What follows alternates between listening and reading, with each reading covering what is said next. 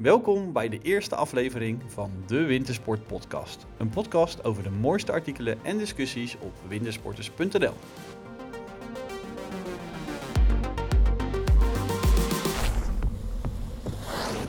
Ik ben Martijn, oprichter van wintersporters.nl en samen met Arjen de Graaf, Jazeker. eh, oprichter van WePowder en redacteur bij wintersporters.nl, gaan we proberen om iedereen regelmatig bij te praten over ja, Ja, toch wel de mooiste bijzaak van het leven, Martijn. Want zo mogen we wintersport toch wel noemen. Yes, we zijn er 365 dagen per jaar mee bezig. En zeker nu de winter dichterbij komt, gaan we ja, steeds meer voorpret krijgen over wat er gaat komen de komende winter. En ehm, ja, we gaan dit dus doen samen, Arjen. eh, Stel jezelf eerst eens even voor. Wie, Ja. Hoe ben je met wintersport in aanraking gekomen? Nou ja, ik- goed, hè, zoals eh, heel veel eh, eh, Nederlandse jongens ben ik door mijn ouders natuurlijk... eh, eh, die hebben me het eerst laten kennismaken met skiën. Dus ik ski al vanaf dat ik kon lopen eigenlijk. En, maar dat, dat, dat, hè, dat, dat hebben heel veel mensen. Maar waar het echt eh, een beetje verkeerd ging, dat het echt meer werd dan, eh, dan hobby... ehm, was eigenlijk ehm, op de middelbare school. Ik zat, was eigenlijk meer bezig met het intekenen van pistekaarten dan het volgen van, eh, van de les. En daar profiteer ik nu nog steeds van. Eh, ik heb bij ongeveer een jaar of tien bij Duitsland Wintersport gewerkt, eh, ook tijdens mijn studie. en dat, is een, dat is een wintersportwinkel. Wintersportwinkel, grote Bekend van de grote skibanen Snow World zitten ze Ja, in klopt. Den Haag. klopt. En eh, daar hebben we ook vanaf het begin af aan hebben we dat meegemaakt. De, dezelfde winkel in Landgraaf nog, eh, nog opgebouwd. En ik schrijf al heel lang eh, ja, over de wintersport. Eh, onder andere heb ik dat in het verleden gedaan voor het eh, magazine van de, van de ANWB. Ehm, en op een gegeven moment zijn we gestart met, uh, met WePowder. En nou ja, zo, uh, zo ja, zijn we langzaam maar zeker van, uh, van onze hobby ons werk kunnen maken. Dus dat is wel te gek. Helemaal goed. En als, om een beetje een idee te, te krijgen van als, als er, ik denk ongeveer 300, 400 skigebieden in de Alpen zijn, hoeveel heb je er bezocht? Nou, ja, dat blijft een moeilijke schatting. Heel veel. Ik denk zo rond de 200. En daarnaast het is niet alleen de Alpen, ook in Noord-Amerika. Ik heb inmiddels denk ik wel vier, ja, vier continenten wel geskiet. Dus uh, ja, ik, ik, ben niet, uh, ik ben er niet, ik ben er goed van afgekomen, laat ik het zo zeggen. Hey, en uh, ik kan me nog herinneren dat wij elkaar voor de eerste keer ontmoeten. Toen uh, gingen wij op een persreis samen naar Heiligenbloed. En dat was volgens mij in de periode dat jij net gestart was met wintersporters. Maar hoe ben je daar in godsnaam eigenlijk mee begonnen? Ja, eigenlijk heel ander verhaal dan jij. Ik denk, uh, uh, ik heb eigenlijk niet geskiet tot mijn zeventiende. En toen dachten mijn broer en ik dat het toch wel echt leuk zou zijn om in plaats van naar het strand, een strandvakantie in de winter, gewoon uh, een keertje op wintersport te gaan. Ja, en zo, ja, dan zit je er zo anders in. Als je op je zeventiende voor het eerst skiet, dan is het soort van de heilige, of alsof je de heilige graal hebt gevonden. En ik was gelijk zo verslaafd dat ik eigenlijk, ik, uh, ik programmeerde ook een beetje als hobby, maakte ik websites. En toen dacht ik, hier, hier moet ik iets mee. En waar, waar was dat? In welk gebied ben je als eerste heen gegaan? Ja, de, mijn, mijn, mijn roots liggen in Montafon. Echt, uh, to, toen, ja, het gebied van, als ik, als ik nu nog muziekjes hoor uit die, uit die, in die tijd hits waren, dan denk ik altijd terug aan Montafon. En het mooie eigenlijk aan dat soort gebieden waar je hebt leren skiën is dat als je eigenlijk moet je er later nooit meer heen gaan. Nee, dat, uh, ik ben er, ben er, twee jaar geleden een keertje weer geweest en dat is eigenlijk, het was toch niet meer zo mooi als ik het, uh, als ik het me herinner. Ja, nee, dat herken ik wel, want mijn, uh, ik heb leren skiën in Seoul, in de skiwereld Wilde Keizer En ik, ik, weet nog wel de eerste keer dat, ik, um, dat we met het klasje uh, echt naar boven gingen, met de gondel naar Hoogzeul. Toen was het allemaal nog wat minder ontwikkeld. Hè, dus er liep nog een eenzitter naar de top. En nou, ik zag die Hobezalpen Dekentje over je knietje zijn. Ja, precies. En ik zag die Hobezalpen opdoemen en ik denk van, nou, dit, is, dit moet de hoogste berg van de, van de wereld zijn. En hier kan je gewoon niet van afskiën. ja, Hobezalpen. Ja, dus 1800 nog wat. 1829 meter. Maar het, het, mooie was dus dat ik, uh, nou ja, tot, tot mijn elfde of zo gingen we daar naartoe. En dat bleef altijd soort van die mythische proporties behouden voor mij. En toen gingen we daarna met mijn ouders gingen we naar Frankrijk en gingen meer skigebieden zien. En toen was ik ergens begin 20, gingen we weer terug naar de skiweld. Zo, dat was even een anticlimax zeg. Die houden zelf voor dat was ineens niets minder dan een heuvel. Dat, ja, dus, dus dat is wel... Uh, Alsof je terug gaat naar het klaslokaal ja, van je jeugd. Dit valt altijd tegen. Het ja. valt altijd tegen. Maar goed, in ieder geval uh, uh, laat met skiën in aanraking gekomen. Gelijk begonnen met databases bouwen. En dat is eigenlijk gewoon totaal uit de hand gelopen. Dat is nu wat wintersporters is. is nog steeds, eh, heel veel van onze bezoek op de website gaat over mensen die zich gewoon oriënteren van waar moet ik heen. En dat, dat fascineert me gewoon. Dus dat, ik heb niet zoveel skigebieden bezocht als jij. Ik denk dat ik aan, nou ja, misschien ik denk aan 70, 80 skigebieden kom. Maar, nee, maar maar goed, daarmee denk ik dat ik toch wel een redelijk beeld heb van, eh, van wat er in de Alpen en daarbuiten gebeurt. Helemaal goed. Hè? eh, van, eh, nee, we hebben elkaar dus leren kennen. Ik denk nu een jaartje of eh, acht, negen geleden op een persreis. Ehm, eh, jij schreef toen nog voor andere magazines. Ik was, kwam toen voor wintersporters ja, in het eerst in, eh, in aanraking met dat soort dingetjes. En dat klikte wel meteen, hè? van hetzelfde soort humor vooral. Sle- slechte humor, zullen we het maar noemen. humor. Hele slechte humor, daar zijn we erg goed in. Ja, en ik weet nog wel dat het- er lag best mooie sneeuw. En ik was toen natuurlijk ook al heel erg met freeriden bezig. En we gingen buiten de piste. En dan- ik kan me herinneren dat jij daar ook nog eh, een soort van half je schouder uit de kom draaide. Ja, omdat je ja. eh, die eerste niet alleen mijn schouder. sneeuw...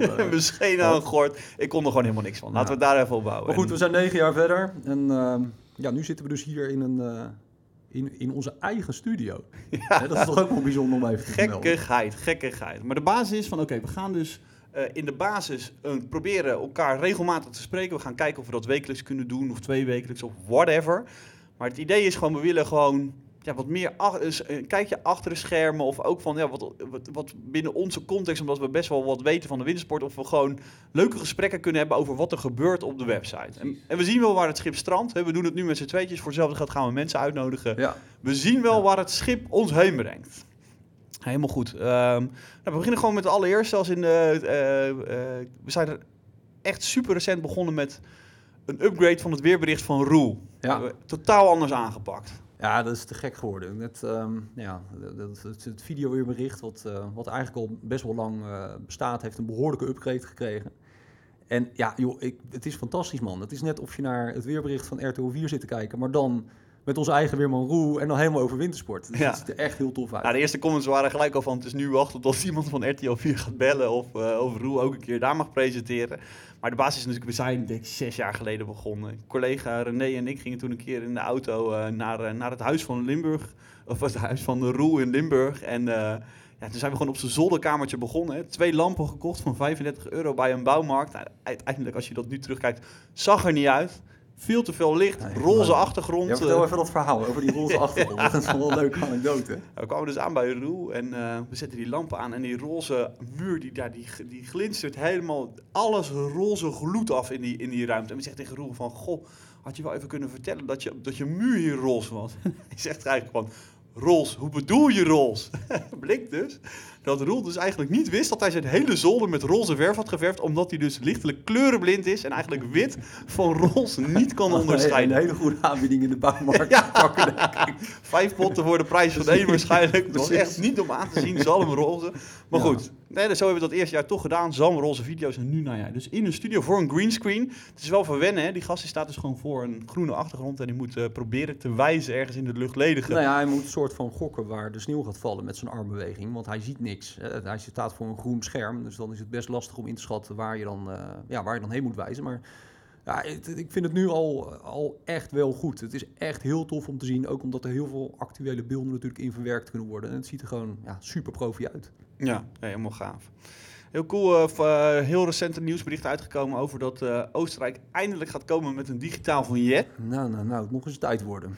Ja, dat is echt ongelooflijk. Dus in Frankrijk, voor mensen die er vaak komen, dan kan je gewoon een kastje in de auto eh, huren. Hè. Het een soort van eh, leasecontract. En dan word je, krijg je achteraf gewoon de kosten. En dan kan je echt met eh, bijna 50 per uur in ieder geval door dat, door dat tolstalletje heen knallen. Maar in Oostenrijk staan er nog steeds zo nu en dan, zeker tijdens de vakanties, dikke files voor de tankstations voor die vignetten. Maar goed, is dit dan nu een oplossing? Nou ja, ja, god. Weet je, kijk, het verschil natuurlijk met eh, sowieso met Frankrijk en Oostenrijk is dat je in Frankrijk natuurlijk per deel van de weg betaalt. En in Oostenrijk heb je gewoon voor de snelweg heb je zo'n vignet nodig. Of je er nou 10 kilometer op rijdt of eh, dat je daar eh 10 dagen alleen maar op, op die snelweg blijft rijden. Je betaalt dezelfde prijs. Maar het, ja, is het een oplossing? Kijk, uiteindelijk blijf je natuurlijk nog steeds wel met die bottlenecks zitten bij Bregenz en bij Kufstein. Ehm, maar wat ik wel heel fijn vind, is dat ze toch wel een stap vooruit gaan in de zin van dat het wat makkelijker gemaakt wordt. Ik kan me herinneren dat we vorig jaar onderweg waren naar Oostenrijk. En ik koop eigenlijk altijd eh, standaard het vignet aan de grens, omdat ik het in Nederland vaak vergeet. En wat er dan, eh, nou ja, vervolgens sta ik daar bij Bregenz bij die grensovergang en ik wil een vignet kopen. Ja, dat kan alleen cash. Ik zeg, dat kan alleen cash. Ik heb helemaal niks bij me. Ik heb, ik heb een creditcard en ik heb mijn bankpas en ik wil nu dat vignet hebben. Welkom in de jaren 80. Ja, nee, maar precies. Ja, maar dat kan niet. Ik zeg, wat nu dan? Ja, ja meneer, dat, dat weet ik ook niet. Ik zeg, hoe moet u even gaan pinnen? Ik zeg, waar kan ik dan pinnen? Ja, dat kan in, eh in Bregenz. Ik zeg, maar dan moet ik toch die snelweg over? Ja, dat mag niet. Ik nee, maar... Dus ik raakte in een soort van oneindige loop, zeg maar, waar het misging. Dus in die zin dat het digitaal nu gaat worden, ja, ik, ik, ben daar wel blij mee. Ja, Ja, wat de, wat de basis is ook van, als je komt aanrijden, langzaam ga je richting die grens, al 50 kilometer daarvoor wordt het drukker bij tankstations. Hè? Dan denk je, ik haal misschien eens een keer mijn vignet op tijd en dan is het al druk bij het tankstation, dan denk je, ik rij wel door naar de volgende. Ja. Maar daar is het nog, Daar is het drukker. nog drukker. En bij de laatste voor de grens, nou ja, dan eh, prettige wedstrijd, dan ben je gewoon zeker drie kwartier, een uur kwijt. Kijk, dat is het sowieso natuurlijk het slimste om dat ding in Nederland al te halen. Maar goed, dat, eh, ik, ik vergeet het altijd. Ehm, maar ja, nu kan het dus digitaal. Alleen er zit dus wel een, een catch onder die voor mij dus ook niet gaat werken. Namelijk dat je dus ehm, 18 dagen van tevoren moet aanvragen. Ja, echt, echt belachelijk. Een soort van Europese regels die gone wrong hier. Want de basis is dat zij eigenlijk zeggen in de Oostenrijkse wet dus ook en de Europese wet dat je 14 dagen bedenktijd moet hebben met iets wat je online bestelt. En omdat je 14 dagen bedenktijd hebt, kan je dat ding dus niet, laten we zeggen, op weg ernaartoe. Want het werkt hetzelfde als kenteken parkeren. Je hoeft alleen je kenteken in te vullen en aan te geven van, nou kijk, ik wil voor zoveel dagen eh, eh, wil ik een pas. En als je dus naar binnen rijdt, camera ziet het en alles is in orde. Ja. Maar je moet dat ding dus 18 dagen van tevoren gaan aanvragen. Ja, het is niet alleen die, kijk, het, het heeft met die bedenktijd te maken, maar het heeft ook gewoon mee te maken dat die Oostenrijkers ons denk ik niet vertrouwen.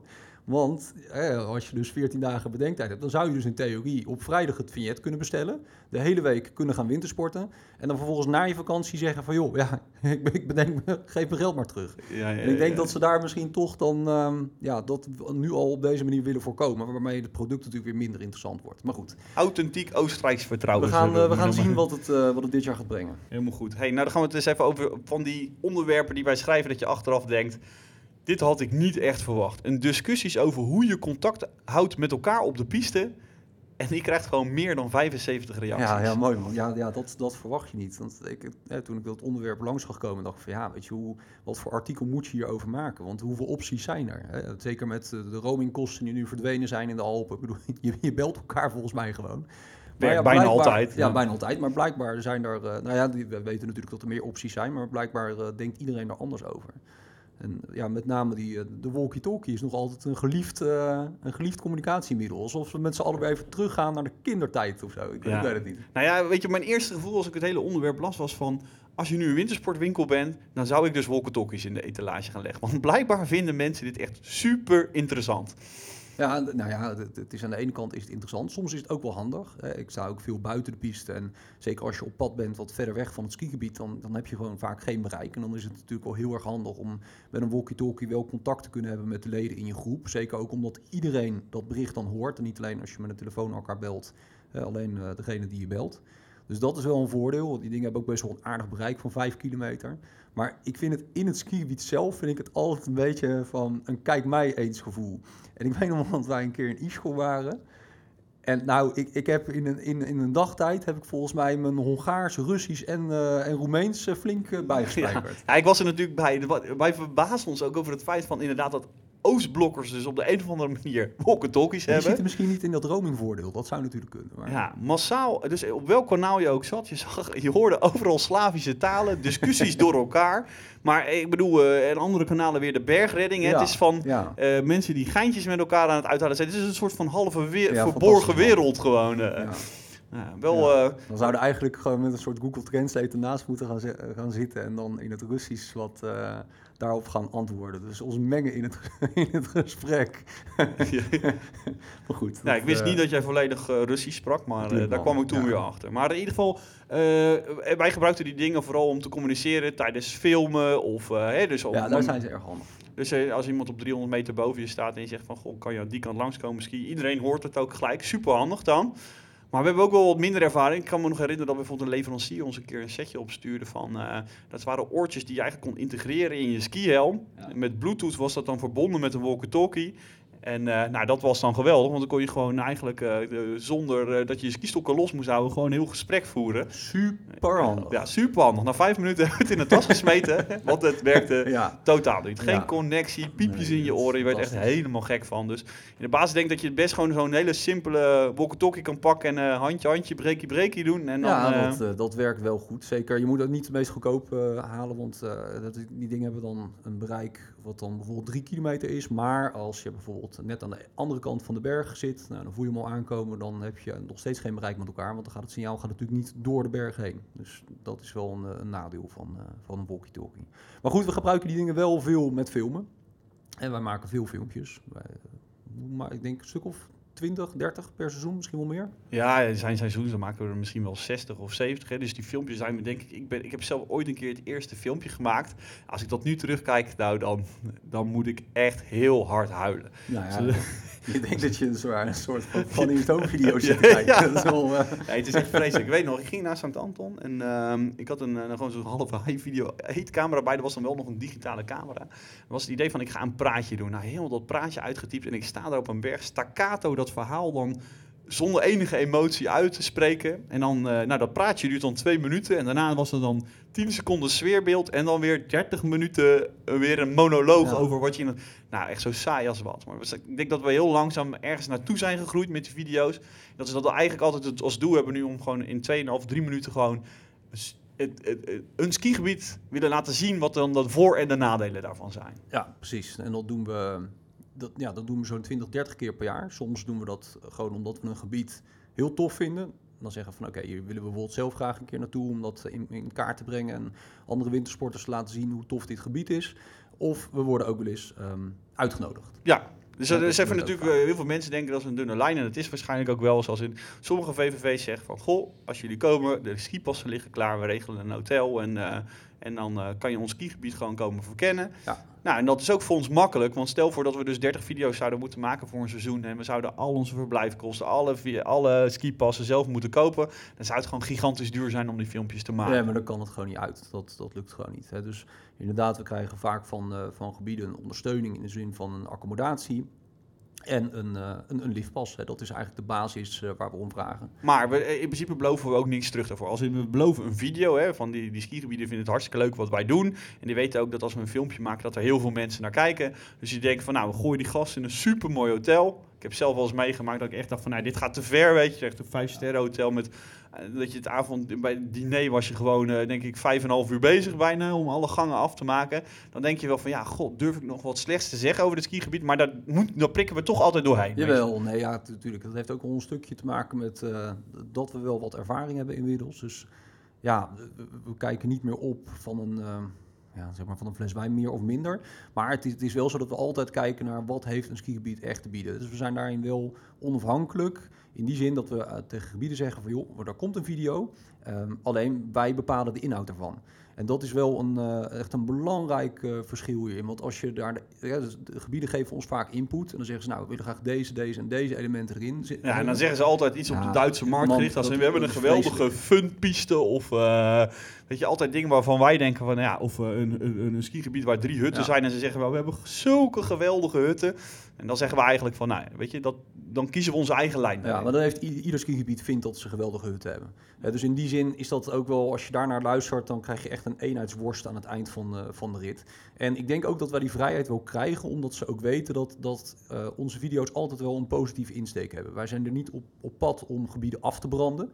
Dat is ook niet het doel. Hè. We gaan met z'n allen uh, op wintersport omdat we het onwijs leuk vinden. En ieder skigebied heeft uiteindelijk wel een, iets te bieden voor een bepaalde doelgroep. En dan moet je dus sowieso zien, kijk, op het moment dat je een, in een klein gebied bent met 30 kilometer piste, ja, dat is gewoon niet voor iedereen interessant. Hè. Echte kilometervreters zullen zeggen van, oké, veel te klein, hier ga ik nooit naartoe. Terwijl voor uh, gezinnen met kleine kinderen kan het juist een perfect gebied zijn. Precies. En, en dan proberen we altijd wel eerlijk en open uh, te zijn. We proberen altijd, als we iets negatiefs zeggen, dit skigebied zal bijvoorbeeld niet echt geschikt zijn voor iemand die heel veel uitdaging zoekt. Maar ben je daar met je familie, met kleine kinderen, nou, dan zit je hier geweldig. Hè. We knoppen, kopen het alles aan elkaar, maar we zijn er, we zijn niet in, uh, we zijn er niet om skigebieden volledig af te branden. Daar hebben we ook geen, bovendien zijn er ook niet echt skigebieden waarvan je denkt, zijn er, zijn er skigebieden die jij kent waarvan je denkt, nou, dit is echt een vreselijk skigebied? Ja, dat hangt helemaal, die zijn er dus eigenlijk niet. Want dat, hangt helemaal af in wat voor uh, nou ja, zeg maar levensfase, uh, verwachtingspatronen je zit. Kijk, ik, laat ik het zo zeggen. Op, jij hebt nu uh, je, een gezin. Hè, als ik nu tegen jou zeg van, joh, ik stuur jou een week naar Super. Hè, voor 80 euro een fantastisch uitgewoond appartement van eh, 12 vierkante meter. Ja, dan moet ik eerlijk zeggen dat tien jaar geleden had ik gezegd, deal, Nee, maar geen dat- probleem. Maar, maar dat is het dus. Helemaal geweldig. En nu, ook- nu zou dat niet meer hoeven. Exact. Toen ik studeerde gingen wij ook naar Le Corbusier en, en dat soort gebieden. Voor extreem weinig geld. En dan zat je wel in de sneeuw, dan had je een toptijd. En het maakte toen echt geen drol Precies. uit. En nou, zolang je dat maar gewoon eh, nou ja, voor ogen houdt eh, bij het maken van de video, voor wie is dit geschikt, dan, dan kan je altijd die positieve insteek wel houden. Ja, ja, duidelijk verhaal. Maar goed, we hebben dus een tijdje terug een video gelanceerd waarbij eigenlijk eh, krijgen we wel feedback van gebruikers over video's dat ze het soms te repetitief vinden. Als in dat ze zeggen van eigenlijk zegt deze video hetzelfde als een ander. Dat is voor ons ook heel moeilijk. Heel veel skigebieden lijken op elkaar. We proberen de unieke punten te vinden. Maar nu ging het in één keer in een discussie over een video van Griendewald waarbij mensen zeiden van god, dit is echt extreem commercieel. Ja. Maar Ja. ja. wat was daar dan zo anders aan dan andere video's? Ja, kijk, ik denk dat een van de belangrijkste dingen die hier aan bod kwamen, is dat we eh, Gerrit en Ellen hadden gevraagd om deze video's op te nemen. Eh, Gerrit en Ellen zijn al wat ouder. ehm, eh, lege nest mensen, zeg maar. Dus kinderen zijn het huis uit, hebben weer wat meer tijd voor zichzelf, ook, voor zichzelf ook wat meer te besteden. En dat is toch wel een beetje de doelgroep die Zwitserland, waarvan Zwitserland het moet hebben. Want Zwitserland is natuurlijk niet het meest goedkope Alpenland. Nee, dat is duidelijk. Dus wij hadden hen meegenomen, ehm, een, ja, gewoon een dag, twee dagen onderweg in Grienewald. Eh, alle beelden geschoten. En wat vinden jullie van dit gebied? Ja, goed, daar hebben ze een, een, een, ja, een duidelijk eh, mening over gehad. Een positief verhaal ook, moet ik zeggen. En dat, heel eerlijk, vind ik ook wel terecht. Het is, het is ook wel echt een, een leuk skigebied met fantastische omgeving. Maar blijkbaar op de een of andere manier, denk ik, op het moment dat je dat ook niet zo heel vaak doet om voor de camera te staan, is dat toch moeilijk om, denk ik, die nuance over te brengen. En da- daardoor lijkt het misschien alsof het een volledig dicht gesponsord verhaal geworden is. Ja, ik ken toevallig Gerrit en Ellen een soort van via via. En ik weet gewoon dat het hele positieve mensen zijn of zo. Zo- staan ze Ja, ook een beetje in het ook, leven. ja, ja. En het is meer, het is gewoon een interview. Want hoe, eh, jij- was bij de opname aanwezig, ik niet. Dus ik, ik kan daar moeilijk over oordelen. Maar van, hoe, hoe neem je zo'n filmpje dan op met, ehm, met ehm, ehm, als je met twee andere mensen op, op pad gaat die niet onderdeel uitmaken van het team? Ja, nou ja, feitelijk eh, wordt er veel eh, gestuurd. Hè. Dus ik ben met onze videocollega René zijn we op pad. En daarin eh, maar is, neemt René de, de, ja, de, de, de- roer in handen, zeg maar, eh, voor, de, ja, voor alle video-gerelateerde zaken. En we zeggen eigenlijk van, nou ja, we, we cruisen het hele gebied door. En wij draaien er continu omheen en we brengen ze eigenlijk al skiënd en wijzend en kijkend in beeld. En daarbij proberen we een aantal markante eh, delen van het gebied eh, in beeld te brengen. Zoals bijvoorbeeld in het gebied van Grienewald. Eh, de kleine Scheidegg bij de Eiger, de Munch en de Jungfrau. Wat echt een fantastisch plaatje geeft. En dat is ook echt onderscheidend voor dat gebied. Nou ja, goed. En aan, aan het eind van de rit ehm, interviewen ze. Joh, wat is jullie ervaring met dit gebied? Ik Ja, stel gewoon aantal- camera laten lopen Precies. en En, gewoon... ik stel de vragen van, joh, wat vond je op dit... eh, kan je wat vertellen over de kindvriendelijkheid bijvoorbeeld? Of kan je wat vertellen over de, uit, de, uitdaging die je hebt gevonden op de pistes? Wat Exact. vond je van de restaurants? En wo- wordt er dan nog heftig in geknipt? Eh, bijvoorbeeld als zij dan iets negatiefs zeggen, dat, daar, dat dat eruit wordt geknipt? Of is dit gewoon wat het was? Nou, dit is gewoon wat het was. Kijk, de, de enige reden waarom erin geknipt wordt, is dat, dat je sommige takes acht keer over moet doen. Ja, dus, dus dat, daar zit knip... eh, ja voor sommige mensen die zeker niet vaak voor de camera staan, als een, richt een camera op ze en ze slaan Ja, helemaal dicht. dus of ze zeggen meest totaal rare dingen. Totaal anders. Dus ja, het, het, het heeft gewoon ook met de positiviteit van die, van die mensen te maken. Maar dat past ook wel bij ons platform. Want wat we al eerder zeiden, iedere video moet wel een positieve eh, indruk achterlaten van dat gebied. Het was wel een soort van ehm, twee groepen te onderscheiden. Als er, sommige mensen zeggen van, ik vind dit niks. Hè? Of het voelt voor mij Ja, als een- niet een- echt een- of commercieel. Ja, en, het nou, ja, een uh, advertorial of ja, nou, misschien waren er ook mensen dan in een andere leeftijdscategorie. Want je zag ook heel veel mensen zeiden van, ik vind het heel verfrissend, heel anders. En voor ons is het gewoon eigenlijk heel interessant om dit soort commentaar te lezen. Om te kijken van, ja, hoe, hoe ik moeten wij met dit soort dat- video's bezig Precies, zijn? maar ik denk dat dat ook precies een bevestiging is van wat we net al zeiden. Van stel dat je Gerrit en Ellen dus naar uh, Super Dave stuurt, naar een uitgewoond appartement. Daar zullen ze dan misschien wat minder enthousiast over zijn. Waarop Ja. een aantal studenten misschien zullen zeggen, ja, maar waar hebben jullie het over? Dit is fantastisch. Je, je- wat verwacht je voor 50 euro? Ja. Eh, dus in die zin eh, denk ik wel dat, dat we op de goede, ja, toch een goede, goede weg zijn ingeslagen. Ja, du- duidelijk verhaal. En als we dan toch even over, die doelgroep hè, van Zwitserland. Is, eh, er ontstond eigenlijk eh, aan de hand van deze video ook een, een andere discussie. Die heet van, ja, hoe duur is Zwitserland nu echt? mensen vroegen zich af van, wij, wij hebben dus eigenlijk gewoon gezegd, ja, een beetje 50-plussers, kinderen de deur uit, dan ga je naar Zwitserland. Ja. Dat is misschien ook wel echt een beetje zo, hè, is dat, je, dat Zwitserland eigenlijk alleen nog maar bereikbaar is voor mensen die dan ja, net iets extra's willen uitgeven. Want hoe duur is Zwitserland? Ja, ja nou, duurder dan, dan de andere Alpenlanden. Ja. Zo, zo stellig kunnen we het wel, wel brengen. En is dat dan op alle terreinen? Nee, dat is niet op alle terreinen zo. Kijk, het probleem is natuurlijk gewoon de koers van die Zwitserse frank. Hè. Ik zeg altijd gekscherend uh, dat, uh, uh, dat 10 Zwitserse frank, dat is tegenwoordig ongeveer 800 euro. Ja. Dat, is, dat, is echt absurd, weet je. En dat, dat merk je vooral, zie je vooral terug in, in de supermarkten, maar ook in de restaurants en dergelijke. Ja. Ik kan me herinneren dat ik een keer vanuit Frankrijk, vanuit La Clusaz naar Meiringen-Hasliberg reed. En dan rij je langs de noordkant van het meer van Genève. Toen dacht ik van nou... Overigens ook niet de goedkoopste regio ja, van Zwitserland. Nee, nee dat, dat inderdaad. Hè, daar, daar staan nee, de duurste, als het goed is woont meneer Blatter daar en precies, andere bekende... Daar staan de duurste, duurste huizen van het, van het land. Maar ik dacht dus slim te zijn om even de snelweg af te gaan en gewoon wat te halen bij de supermarkt. Ja, joh, niet normaal. Je wordt gewoon aan alle kanten geslacht. Een simpele diepvriespizza pizza die hier 2 euro in de supermarkt kost, is daar gewoon 8 frank. Wat is ongeveer 720 euro. Ja, echt. Naar beneden afgerond. Ja, maar heel veel geld. Ja. Dus waar je vooral op, op, nou, op ja, het food is eigenlijk zeg maar de, de, de boodschappen, uh, de restaurants. Ja, want als ik goed een beetje rondkijk, bijvoorbeeld SASV heeft ook die actie met, met de, dat je een seizoenskaart kan kopen ja. voor echt een super, super redelijke prijs.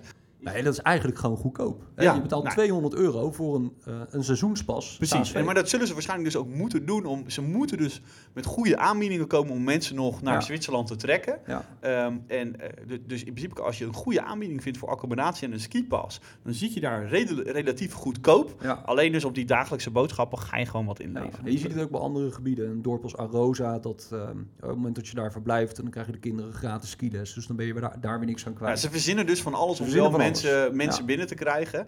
Maar weet je, van, uh, nou, ik ben niet heel veel in Zwitserland geweest. Ik denk een keer of vijf, zes. Maar ik, ja, uiteindelijk is het toch wel altijd de conclusie van het land. Het is misschien wel het allermooiste land van ja, de Alpen. Man. Het is een schitterend land. En dat, dat is denk ik ook wel... Hè, je bent er wel wat meer voor aan kwijt. Maar aan de andere kant is het ook echt wel zo dat het is rustiger, logisch, want het is wat duurder. En ja, de, de bergen daar lijken toch net even wat indrukwekkender dan, in, uh, dan in de, bij de buren in Oostenrijk. Ja, nou ja, het is ja. echt, de natuur is fenomenaal. En ook qua skigebieden van, het is heel afwisselend. Sommige skigebieden zijn extreem modern. Andere lopen weer wat achter. Maar dat heeft juist ook zijn charme in zo'n bestemming. Dus ja. je zou eigenlijk hopen is dat die Zwitserse frank weer een beetje de goede kant op trekt. Uh, maar ja, wie Ja. weet waar het schip strandt. Wie weet waar het schip strandt. En ja, ik wil het eigenlijk gewoon houden hierbij, Arjen, voor de eerste keer. We hebben een klein half uurtje volgeluld met z'n tweeën. We gaan gewoon kijken Of we dat dat eh, ja, iedere week kunnen gaan doen. En eh, we horen wel wat de feedback is van gebruikers. En dan gaan we gewoon langzaam zien of dit eh, iets is. En of ja, het tot laat iets leidt. weten mensen. Ja, ja. Zeg maar gewoon wat je vindt van ons. En dan gaan wij proberen daar volgende keer wat mee te doen. Of dan- niet natuurlijk. In principe dat zijn we dan wel, liggen we drie dagen huilend in ons bed. Maar als we er dan weer uitkomen, dan gaan we weer met frisse moed tegen. Precies, dus graag de feedback de komende paar dagen. Want dan zijn wij op tijd ook weer klaar voor volgende week om weer een nieuw verhaal hier in de microfoon te gaan praten. Helemaal goed. Tot de volgende keer. Joep. Bye.